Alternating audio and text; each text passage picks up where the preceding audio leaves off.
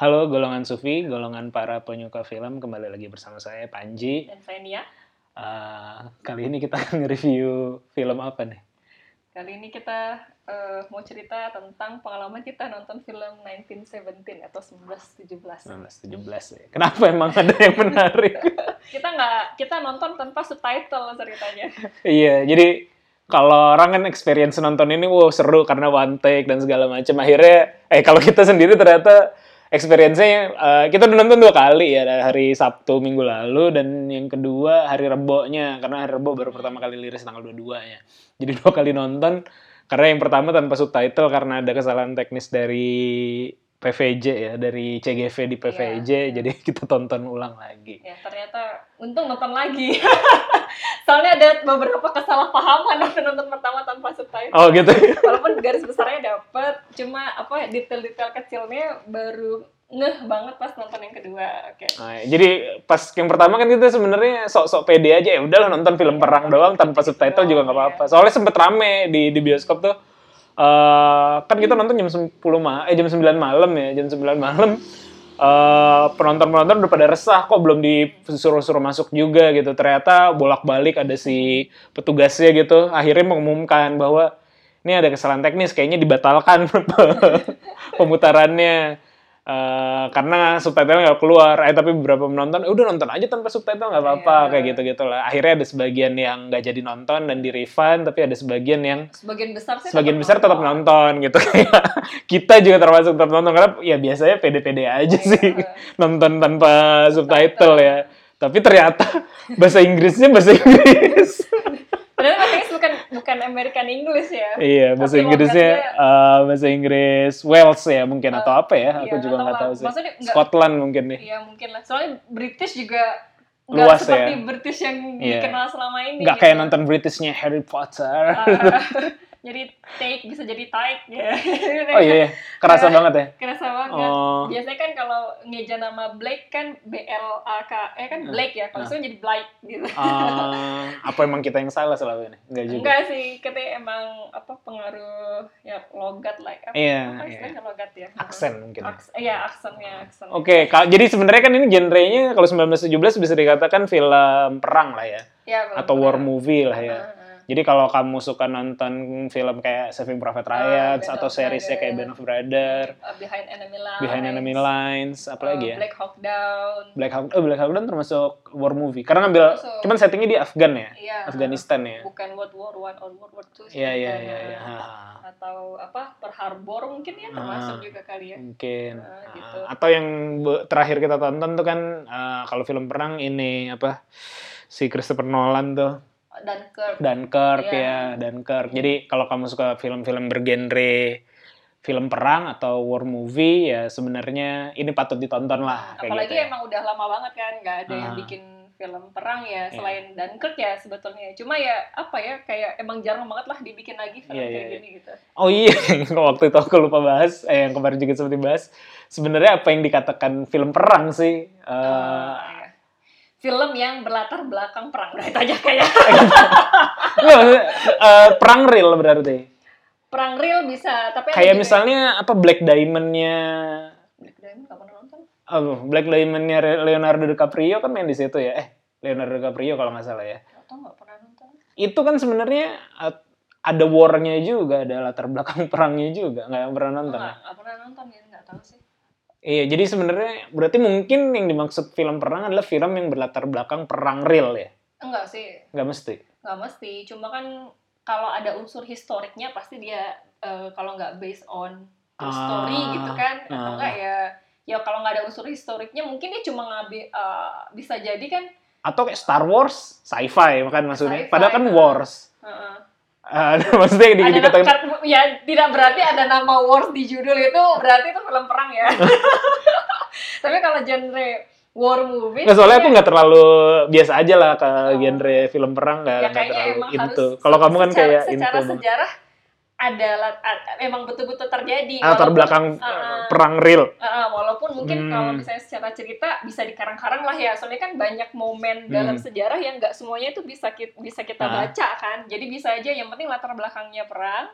Uh, secara uh, event aktual emang betul-betul terjadi tapi mungkin ada sub story kecil gitu ya mungkin Ah. harus nyelamatin siapa atau Ah. ada misi tertentu tapi di Oke. dalam misi tertentu ada perjuangannya yang oh ya 1917 sih sebenarnya nyeritainnya tentang Hmm. sebenarnya secara cerita dia tuh simpel ya Hmm. apa eh, menceritakan tentang dua orang teman ya nah yang satu namanya Scofield satunya lagi Blake gitu ya Hmm. yang mana mereka berdua ini sebenarnya eh, yang mana mereka berdua ini apa sih eh, berlomba dengan waktu Hmm. untuk mengabarkan eh, bahwa penyerangan besok pagi yang akan dilakukan oleh apa kompi lain ya Hmm. di di apa di garis pertahanan yang lebih Terdepan. depan lagi yang Hmm. terdepan itu untuk dibatalkan Iya, serangannya karena itu ternyata adalah Jebakan. perangkap ya iya. perangkap jebakan ya jebakan eh, jebakan eh, dari tentara Jerman supaya dan dan eh, karena Aduh, kenapa dibatalkan karena ya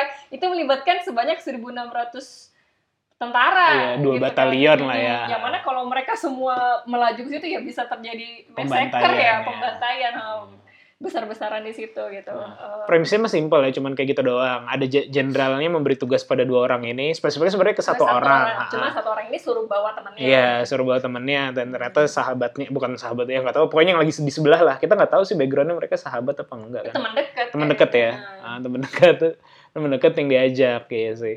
Dan sebenarnya itu pas poin pertama kali aku nonton juga ada mirisnya di situ sih karena ternyata dia yang dikasih tugas kan sebenarnya si Blake ya dipanggil sama Blake Blake Blake ya yang Blake, dikasih tugas kalau adalah dalam- Blake kayak si Blake atau Blake itu eh, karena ternyata di pasukan terdepan tadi yang harus dibatalkan itu ada saudaranya lah ada Ya, kakak kakaknya. kandungnya yang jadi Hmm.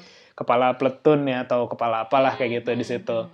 dan itu kan jadi utilize orang banget ya kalau aku bilang itu jadi kayak utilize eh ya kemanusiaan juga biar tugasnya lancar si jenderal ini nugasin orang yang ada hubungan darah dengan itu Iya. agar agar berjuangnya lebih lah kayak gitu Iya. kan sebenarnya agak-agak mirisnya di situ sih nggak bisa malas-malasan kerja ya harus Nah. berlomba gitu Iya, ya. karena kan Iya, itu so- sebenarnya misinya walaupun eh, walaupun misinya simpel cuman nganterin surat doang ke pasukan terdepan, tapi itu eh, antara jarak dia dan eh, jarak jarak si kompi mereka dengan pasukan terdepan itu eh, area musuh lah gitu, area yang dikuasai oleh Jerman. Ini settingnya adalah tentara Inggris ya, tentara Inggris Iya. atau ten- tentara Inggris gitu ya.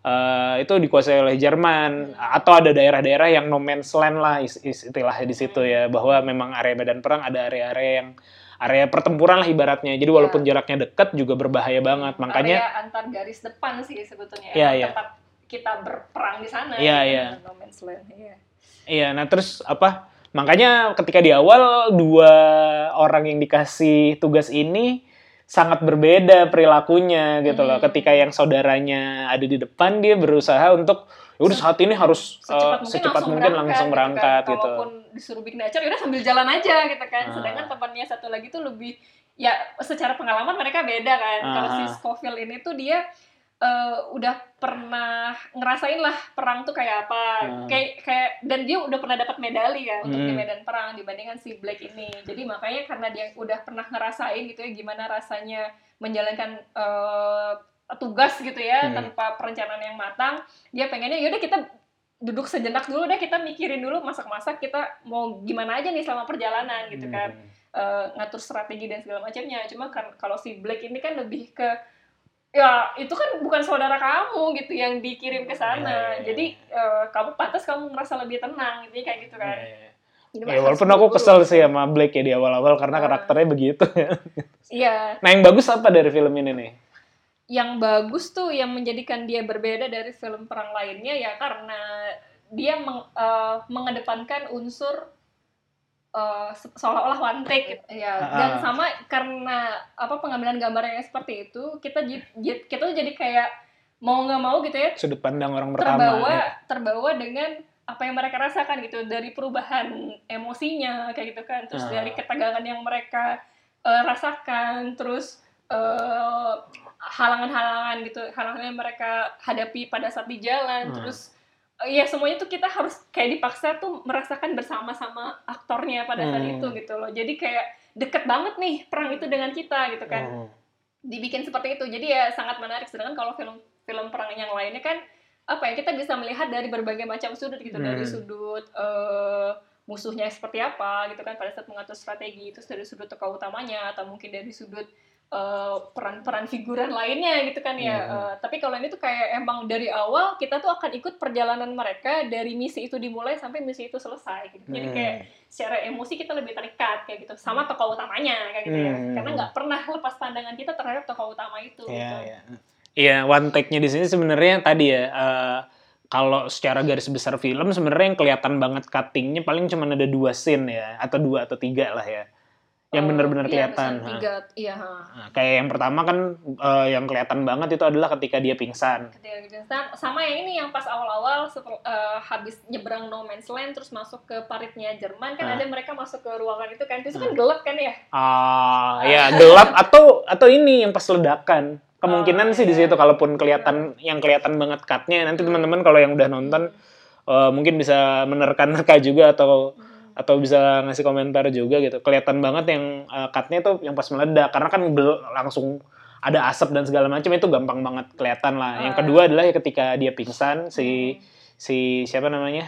Scofield Si Scofield-nya pingsan itu tiba-tiba gelap gitu aja itu juga kelihatan banget cut-nya. Sama ketiga ya tentu saja pas lagi di air Nah, itu kan kelihatan banget ke cut-nya pas lagi terjun ke air. Eh, walaupun sebetulnya Iya. kalau dari sisi apa eh, sutradaranya ya Hmm.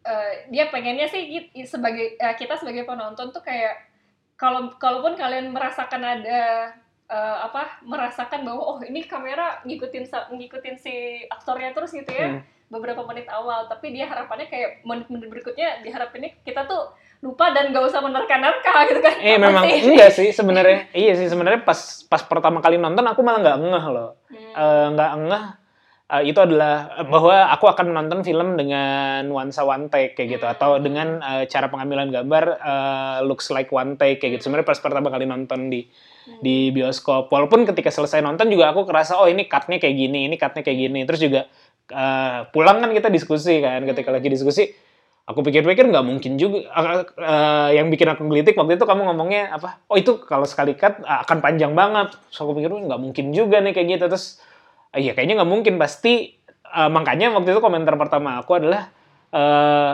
ini mah eh, seolah-olah mau show off aja. Kalau menurut aku ya waktu itu Di- direkturnya atau sinematografernya mau show off aja bahwa dia bisa editing dengan begitu cakep kayak gitu atau pengambilan gambar begitu bagus eh hanya untuk show off sebenarnya. Kalau menurut aku walaupun itu karya seni gitu kan. Nah, itu karya seni eh, dia menunjukkan seninya dengan cara ya dia show off oh gue cakep nih dalam mengambil gambar Hmm. bagus banget nih eh, seolah nggak kelihatan cuttingnya dan segala macam tapi itu di belakang tapi ketika nonton sih enjoy banget sih nggak nggak nggak nggak kerasa nggak nggak begitu penting juga jadinya Iya. cuman ada beberapa ketika lagi nonton memang ada beberapa pengambilan gambar yang menurutku sih uh, unik aja karena sudut kalau kita misalnya kalau nonton pada film-film pada umumnya kan banyak banget editingnya gitu kan banyak banget cuttingnya sehingga ketika mereka tiba-tiba ada di mana gitu kan itu kelihatan banget cuttingnya kalau ini enggak gitu kalau ini bener-bener mengalir aja mengikuti Hmm.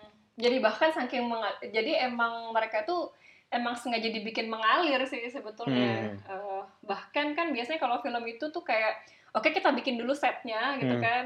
Eh, terus nanti pas eh, kita mau syuting beneran, yaudah aktor rehearse gitu kan. Tapi Hmm. mereka nggak bisa kayak gitu ternyata gitu kan. Hmm. Mereka itu harus eh, oke ini ada daerah gitu ya. Hmm. eh, kita mau bikin set, tapi kita harus rehearse dulu yang pertama gitu kan Hmm. berapa berapa waktu yang dibutuhkan untuk jalan dari titik A ke titik B gitu, Hmm, kan Eh, berapa waktu yang diperlukan pada saat dialog ini dilakukan gitu Iya, kan iya. jadi emang sebelum membuat set mereka tuh rehearse dulu untuk Hmm. semua filmnya supaya eh, set itu bisa dibikin kayak gitu Iya. Sup- eh, supaya Ya pada biar saat- jarak dialognya sesuai dengan jarak setnya. Iya, gitu kan. ha, bahkan ya mereka tuh bikin set pas-pasan banget, nggak Iya. nggak lebih dan tidak kurang kayak gitu. Jadi Hmm. emang seperlunya eh, dibutuhkan setnya sepanjang A, ya udah sepanjang itu, selebar Iya. B dan selebar itu juga. Hmm. Karena mereka harus mikirin ini juga kan, apa blocking kameranya, Iya, kemudian eh, apa seluas seluas ya, seluas apa, seluas apa ya. eh, daerah jangkauan kamera itu ke shoot itu juga harus dibikin setnya kan Hmm. dan yang mana kamera kamera yang di film ini geraknya kan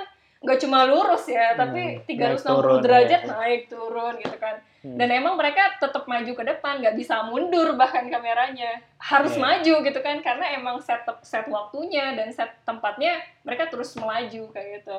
Hmm, iya, iya. Eh, itu eh, apa ya emang emang pinter banget sih eh, membuatnya ya. Iya, iya maksudku makanya komentar aku setelah selesai nonton pertama kali ya, ketika Hmm. nonton pertama kali, ya ini mah sebenarnya sih ceritanya biasa ya kalau kata aku ya. Iya, cerita, cerita biasa aku biasa. Eh, apa terus juga paling ya keunggulannya tadi karena sudut pandangnya kayak gitu gitu. Terus Hmm. karena sudut pandang kameranya bagus. Sama ya tadi komentar pertama aku ya ini mah show off aja sih Eh, Kalau dari cerita ya emang biasa aja, cuma cara mereka menyajikan ini tuh luar biasa. hmm, hmm, Lebih ke ya terus eh, mulai dari apa eh, hasil jadi filmnya sampai eh, s- apa sih sebelum eh, pembuatan setnya gitu ya. Hmm. Eh, dan emang ya proses pembuatannya dan film jadinya tuh semuanya luar biasa kayak gitu. hmm. Dan eh, kenapa mereka juga memilih aktor yang nggak terkenal terkenal banget gitu kan? Hmm. karena ya memang dibutuhkan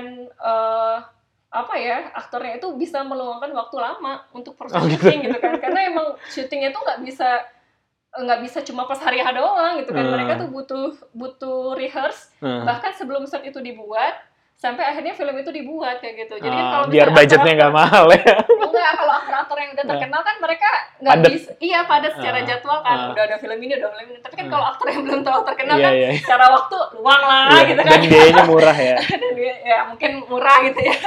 Tapi ya walaupun kayak gitu eh, aktingnya bagus banget. Ya ada beberapa ya ada beberapa nama besar lah ya dalam Ah. industri film yang pengalamannya emang udah jauh lebih Iya, panjang. Iya. Eh, cameo lah ya atau apa ya cameo ya cameo, Istilahnya ya. cameo ada ada siapa aja ada Benedict Cumberbatch Iya, gitu kan ah. terus ada Colin Firth Ah, Terus- Bene- Benedict Cumberbatch di akhir ya jadi jenderal yang di medan perang ujungnya ya. Ah. Eh jenderal apalah kepala platoon atau apa. ya Iya kepala platoon atau kepala kompi lah ya. Iya gitu Ah. terus sama satu lagi tuh Andrew Scott Andrew ya, Scott, ya. yang Iya, eh, yang- si yang Moriarty ya jadi. Moriarty. Di Sherlock kan ya Ah. itu sih yang yang kita ngeh oh ada aktornya Tapi walaupun porsi mereka tuh kayak nggak nyampe lima menit kayaknya ya Iya, setiap iya, scene-nya iya. yang yang paling banyak ya si Scofield sama si Blake ini aja Mhm. Ya walaupun ceritanya sederhana, menurutku ya pengambilan gambarnya bagus, tapi maksudku itu hanya bisa dimaknai kalau kita udah tahu uh, BTS-nya, behind the scene-nya gitu loh. Jadi kayak kita jadi menghargai karena kita tahu behind the scene-nya, atau mungkin kita menghargai kalau kita tahu bahwa ini uh, seolah-olah one shot kayak gitu. Tapi kalau dari sisi ceritanya aja sebenarnya nggak terlalu sih menurutku ya. Menurutku sih biasa aja. Jadi kita akan lebih menghargai kalau kita lebih seolah-olah lebih tahu seninya gitu loh. Tapi kalau bagi umum mah ya biasa aja sebenarnya kayak gitu. Paling paling ya tadi ada beberapa scene yang uh, bagus gitu yang di akhir itu yang nyebrang medan perang itu juga bagus banget. Dan kan itu adegan yang ketika dia nabrak juga kan itu ternyata tidak disengaja ya, ya. tapi jadi natural banget sih nabrak beberapa beberapa apa namanya? uh, Dia dua kali dia nabrak Nah, sama dua kali nabrak. itu. Tapi nggak tahu dua-duanya yang nggak disengaja apa. nggak ada yang disengaja Dua-duanya nggak disengaja dua-duanya ya. jadi yang pertama Nggak nah disengaja. menariknya yang pertama yang ditabrak kayaknya dia udah apa yang ditabrak itu nggak bangun lagi kan Ah. jadi kayak jadi pas pertama nonton tuh orang kok ditabrak doang langsung mati ya karena kan aneh Oh ada ya? ada adegan gitu ya? Iya, yang pertama. ditabrak pertama nggak nggak bangun Yang- lagi. Iya, normal nggak bangun lagi udah Oh. dia kayak gini aja pingsan aja terus kan terus yang ditabrak kedua Bangun. dia bangun lagi Iya kayak gitu. iya iya iya iya iya. Oh iya yang pertama enggak ya. Yang pertama enggak. Jadi kayak kalau penonton tuh kalau saya kalau aku nonton tuh kayak ini orang cuma ditabrak doang kok mati ya. Mungkin pingsan ya. Tapi ya mungkin ini ya Ah. eh, walaupun Iya. jadi lebih natural karena Tapi itu mungkin ini apa? Ini kan memang kalau nggak salah yang aku baca ya apa eh, yang terakhir itu apa mereka cuma bisa budgetnya hanya untuk bisa kali empat kali ledakan atau apalah kan ada Ah. ledakan-ledakan kayak gitu kan. Iya. Jadi ketika ditabrak mungkin aku ngebayangin si psikologi si pemeran pembantunya itu yang jadi ditabrak ajret gue ngerusak ngerusak film nih karena nggak sengaja nabrak dia harus bagaimana gitu kan. Jadi udah tidur aja kali ya, mungkin kayak gitu. Iya bisa juga kayak gitu atau kalau misalnya so, apa mengerti Pingsan. Ah. perang tuh mungkin lebih ke ya nggak semua prajurit tuh siap pasti mental. siap mental untuk berani Ah. perang gitu kan. Jadi kalau udah ketabrak ya biarlah teman aku yang depan mati aku perang di sana aja di sini biar Oh, bisa maju kayak seolah-olah kan. gitu. Jadi bisa juga kayak Iya, gitu iya, kan. iya. maknanya Kalau dimaknainya sebagai itu. Sama kalau menurutku yang bikin bagus adalah film kan se- seperti sebelumnya juga aku bilang film yang bagus tuh karena ada perubahan karakter kan. Ya, Aku ngerasa itu perubahan karakter si siapa tadi namanya Scofield. si Scofield-nya itu eh, sangat kerasa gitu sebelum dan setelah si Blake mati gitu itu sangat sangat kerasa perbedaannya Hmm. gitu sih jadi eh, perjalanan dia eh, sekaligus perjalanan dirinya gitu. Perjalanan literally dia harus jalan sekaligus perjalanan perubahan karakter dirinya itu itu terjadi sih kalau itu yang aku lihat ya. Itu yang menurutku lebih bagus daripada sekedar ceritanya. Karena ketika sebelum misalnya dia masih kayak udah siap mati aja dan segala macam ketika dia si Blake-nya udah mati eh, dia sudut pandangnya apa? Karakternya langsung berubah jadi kayak harus ada sesuatu yang diperjuangkan kayak gitu. Aku ngelihatnya sih lebih lebih kayak gitu Hmm, gitu. hmm, hmm, hmm. apalagi momen menurutku momen momennya adalah ketika yang pas ketemu cewek di kota siapa?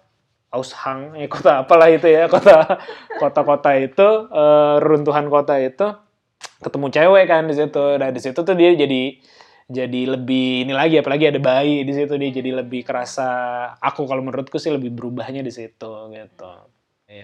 Dan ternyata film ini tuh terinspirasi dari kisah nyata kakeknya. iya iya memang kan kisah nyata kan ya. Nah. Enggak, jadi emang kakeknya itu emang tugasnya kan membawa pesan dari satu trans ke trans yang lain gitu kan ya. oh kakeknya Sam Mendes kakeknya Sam Ah. Mendes. Eh, tugas dia ini bukan kisah nyata berarti bukan kisah nyata, Oh, bukan tapi kisah nyata. terinspirasi Ah. dari kisah kakeknya yang emang tugasnya adalah membawa pesan dari Hmm. satu parit ke parit yang lain intinya Oh, gitu. Jadi akhirnya emang kata kalau ka- dari sutradaranya sih bilang dia udah terinspirasi cerita itu udah lama banget kayak Ah. gitu kan dan baru bisa direalisasikan sekarang. Iya iya iya gitu. mungkin karena teknologinya kali ya Nah, cara karena emang waktu bikin film ini kan ini ya sampai mereka butuh teknologi kamera yang bagus gitu Iya kan iya iya. yang lebih ringan kayak gitu Iya, kan iya. Eh, ya macam-macam lah cara nge-shoot film ini kan pakai Iya. crane lah pakai Motor. pakai iya pakai kendaraan motor Nah. terus pakai stabilizer yang besar banget Iya, iya, gitu kan iya. sampai pakai drone juga gitu Iya. kan Walaupun itu bukan jadi hal yang penting buat penonton sih untuk memperhatikan itu one take Iya, atau tidak, heeh. Tapi menurut aku kalau kita udah tahu itu seolah-olah one take, kita nggak akan nggak ya pinter banget cara cuttingnya Hmm. gitu sih. Aku ketika nonton ke- eh, kedua baru mulai merhatiin lagi tuh, misalnya ada beberapa ketika di No Man's Land gitu, ketika dia nge-shootnya agak muter atau ketutupan batu sedikit, oh ini sebenarnya bisa di-cut nih. Maksudnya ya Hmm. nanti kalau untuk lanjut ke set berikutnya Hmm, apa tapi segala kalau macam nonton gitu. intinya nggak usah dipikirin lah Iya kapan sih. ngedit kapan ini diedit kapan ini Iya, iya. pokoknya nikmatin aja lah Ah, yang pertama kali sih misalnya, apalagi yang pertama kita nonton tanpa subtitle ya, jadinya fokus banget ke gambar dan itu eh, bagus banget sih. Dan selama ini juga jadi ngerasa, oh kalau kita nonton di bioskop apa mendingan gak usah pakai subtitle karena kan kita jadi ngebaca tulisan Iya, ya sebenarnya. terbagi lah fokusnya ya Terbagi bagusnya. Kalau all time favorit kamu film perang apa? Band of Brothers sama Saving Private Ryan ya Allah generik banget ya Band of Brother aku baru nonton lagi juga tuh sebenarnya. Dan menurutku memang jauh lebih bagus ya sebenarnya. Iya. Walaupun sebenarnya kalau dari sisi teknik pengambilan gambar ya lampau banget, warnanya juga nggak tahu ya masih style. emang milih se, se- apa sengaja Iya maksudku eh, karena itu kan film Band of Brothers film tahun 2000 kan, eh 2000 2001 lah gitu. Jadi kalau film sekarang kan kalau kita menceritakan masa lalu tuh film sekarang yang settingnya masa lalu tidak terlalu dibikin terlalu sepia atau tidak terlalu dibikin terlalu apa hitam putih gitu. Hmm. Jadi natural aja tapi kita udah tahu itu itu zaman dulu. Kayak misalnya Avenger nyeritain tentang Captain America masih muda dia kan eh, ya biasa aja tidak tone-nya tidak terlalu di di ini kan. Tapi ketika Band of Brother ini masih asa coklat banget asa ya, coklat banget gitu coklat banget atau ada beberapa color yang terlalu kental gitu loh. Iya. maksudku sebenarnya biasa aja ya walaupun karena mungkin itu pada zamannya itu yang lagi keren sih. Ketika ketika tahun 2000 awal itu 2001 itu yang keren. Tapi kalau dari cerita menurutku jauh lebih kuat ya Band of Brother mungkin karena dia seri eh satu series dan Hmm. yang kedua karena emang ada veteran perang yang menceritakan kisah itu gitu. Ya, ya, dan ya. bahkan sampai film itu selesai diproduksi pun ya masih ada yang hidup gitu ya. Dan Iya, iya, mereka sempat uh, cerita kayak sebagai pengantar cerita sebelum Hmm. uh, filmnya mulai Iya, gitu iya, kan iya. yang nyeritainnya kayak gitu. Iya iya jadi di setiap episode dia eh, awal-awal eh, episode tersebut setiap episodenya ada narasi dari veteran Ah, perangnya narasi ya. yang emang Ah. nyeritain tentang episode itu lebih Ah. fokus nyeritain Iya, apa. mungkin karena kisah nyata ya, jadi lebih relate ya, lebih lebih lebih kerasa gitu.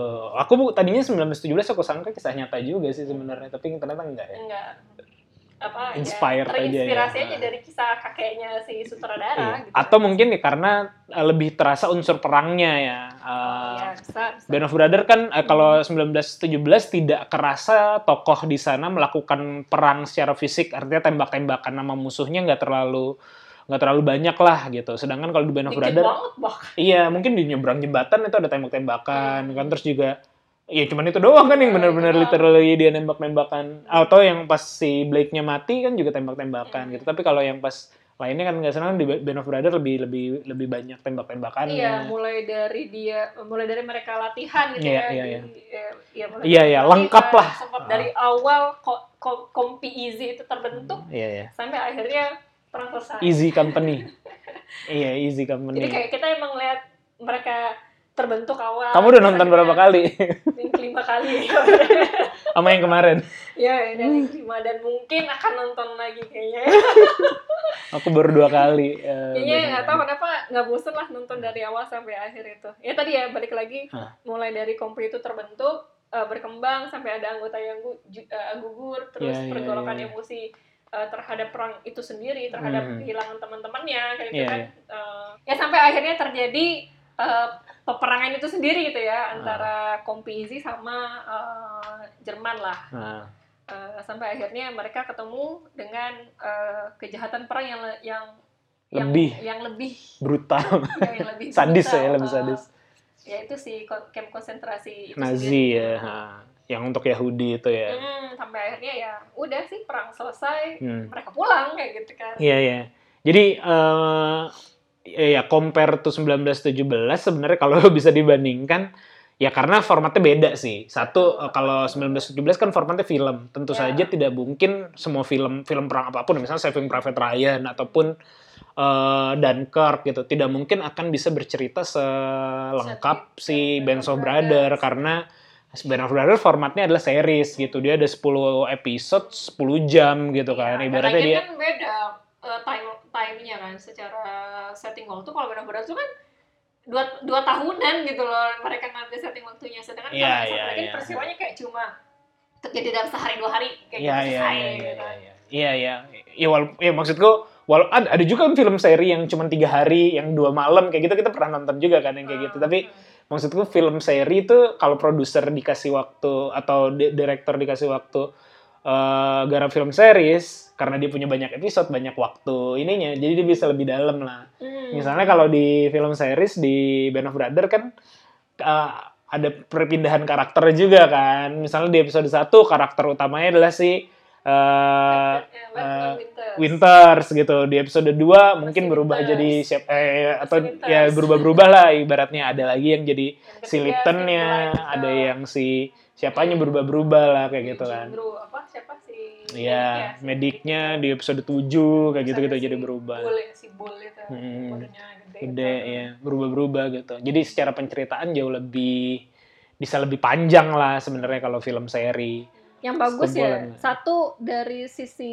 apa kita karena mereka memang ngangkatnya ini ya sejarah jadi kayak kita bener-bener ya satu sih ceritanya sih emang betul-betul ceritanya itu paling bagus itu yang seperti Ya, oh ya kalau kalau 1917 settingnya adalah Perang Dunia 1, Band of Brothers itu Perang Dunia Perang dua. Dunia 2 ya, Iya, tahun menuju akhir 43. lah. Ya, tahun 43 atau nah, empat dua empat tiga empat empat ya 42 43. Eh enggak 43 sampai 45 kalau. empat tiga empat empat lima berarti Iya. ya Hmm, kayak gitu Nah. satu ya pasti dari ceritanya lah Nah. ceritanya karena memang 10 episode jadi detail eh, ketangkep lah semua emosi Hmm. emosi yang campur aduk itu semua kita bisa ngerasain yang kedua eh, actionnya pasti Iya iya. actionnya yang ketiga apa ya eh ini pe- perkembangan karak perkembangan karakter ya Hmm. gitu ya perkembangan karakter tiap tokohnya yang pernah jadi tokoh utamanya Eh, terutama Captain Winters ya Hmm. yang awalnya dia cuma let two ya lieutenant first lieutenant kan Iya, pertamanya lieutenant dari itu, satu ya. sampai akhirnya dia jadi major ya mayor Komandan batalion di ya, gitu Major. Mayor. itulah tiga hal tadi ya yang buat kalau eh, nonton film itu kayak apa ya nonton pertama eh, ngerasa wah amazed banget nonton Iya. yang kedua tuh lebih pengen lebih mengerti tentang ceritanya yang ketiga tuh kayak apa ya mau nginget lagi jadi kayak nonton yang keempat kelima dan seterusnya kayak nggak akan pernah bosan karena kayak Hmm. kita oh eh, dapat yang baru lagi dapat yang baru kayak Hmm. apa ya eh, bisa mengartikan lebih dalam lagi kayak gitu dari setiap yang Hmm. kita nontonnya Hmm. Kalau aku sih mungkin yang paling bagus kalau Band of Brother adalah eh ya tentang karakter lagi sih karena tadi punya cukup waktu untuk menceritakan karakter dan eh, satu kita tahu itu karakternya karakter real. Yang kedua adalah eh beberapa ya hampir setiap episode berganti sudut pandangnya jadi kita dalam gitu loh. Dalam tahu masing-masingnya gitu. Bukan cuma dari si komandan platoonnya saja tapi juga dari yang eh, orang yang baru balik lagi dari apa namanya dari dari rumah sakit dari ya? rumah sakit. Jadi kan kalau di perang ada yang ketika ketembak dipulangin dulu lah, dirawat di rumah sakit. Eh, ada ceritanya salah satu episode dibalik lagi setelah kayak tiga bulan empat bulan eh, nggak ikut perang. Itu kan sudut pandangnya jadi lebih dikucilkan, Iya. kayak anak baru lagi. Itu juga itu juga menarik sih. Iya, iya. Karena karena waktunya panjang. Jadi menurut saya sih menurut aku sih sebenarnya kayaknya kalau mau menikmati film perang yang lengkap ya lebih bagus eh, Band of Brothers sih memang. kayaknya ini tuh harusnya sesi sendiri Sesi sendiri ya bahas Band of Brothers. Ya ntar kalau ada waktu deh. iya Iya tapi eh ya mungkin nanti dibikin sesi sendiri tapi setelah lewat berapa tahun tahun lah setelah nonton lagi. tapi hitungannya ya bagus lah. Eh ya tadi eh, Steven Spielberg kombinasi Steven Spielberg sama Tom Hanks ya. dan eh, baru sadar setelah nonton yang kelima ya Ah. Band of Brothers ini tuh melahirkan aktor-aktor yang kemudian terkenal ya Ah, ah. kayak satu ya si Andrew Scott ini dia jadi kalau mau bikin korela- korelasi tuh, tapi nggak kebalik sih ya. Harusnya kan uh, Perang Dunia 1 tuh 1917 ya. Perang Dunia 2 kan uh, Band of Brother. Uh, Andrew Scott-nya kalau di Band of Brother kan masih ece-ece ya. ah masih ece-ece Baru episode awal udah mati kan. Iya lagi kan terus ada Tom Hardy juga kan di sini Wih, Tom ternyata. Hardy ya. Tom Hardy apa Tom Tom Hardy? Hardy Tom Hardy ya? terus ada Itu dia di episode berapa ya baru ada? ya? Apa dari awal ada ya sembilan sebenarnya? episode sembilan Episode sembilan sadarnya ya? episode Baru- sembilan sih Ah, karena mukanya baru kelihatan banget Hmm, ya. baru. Tapi dari awal sebenarnya ada dia.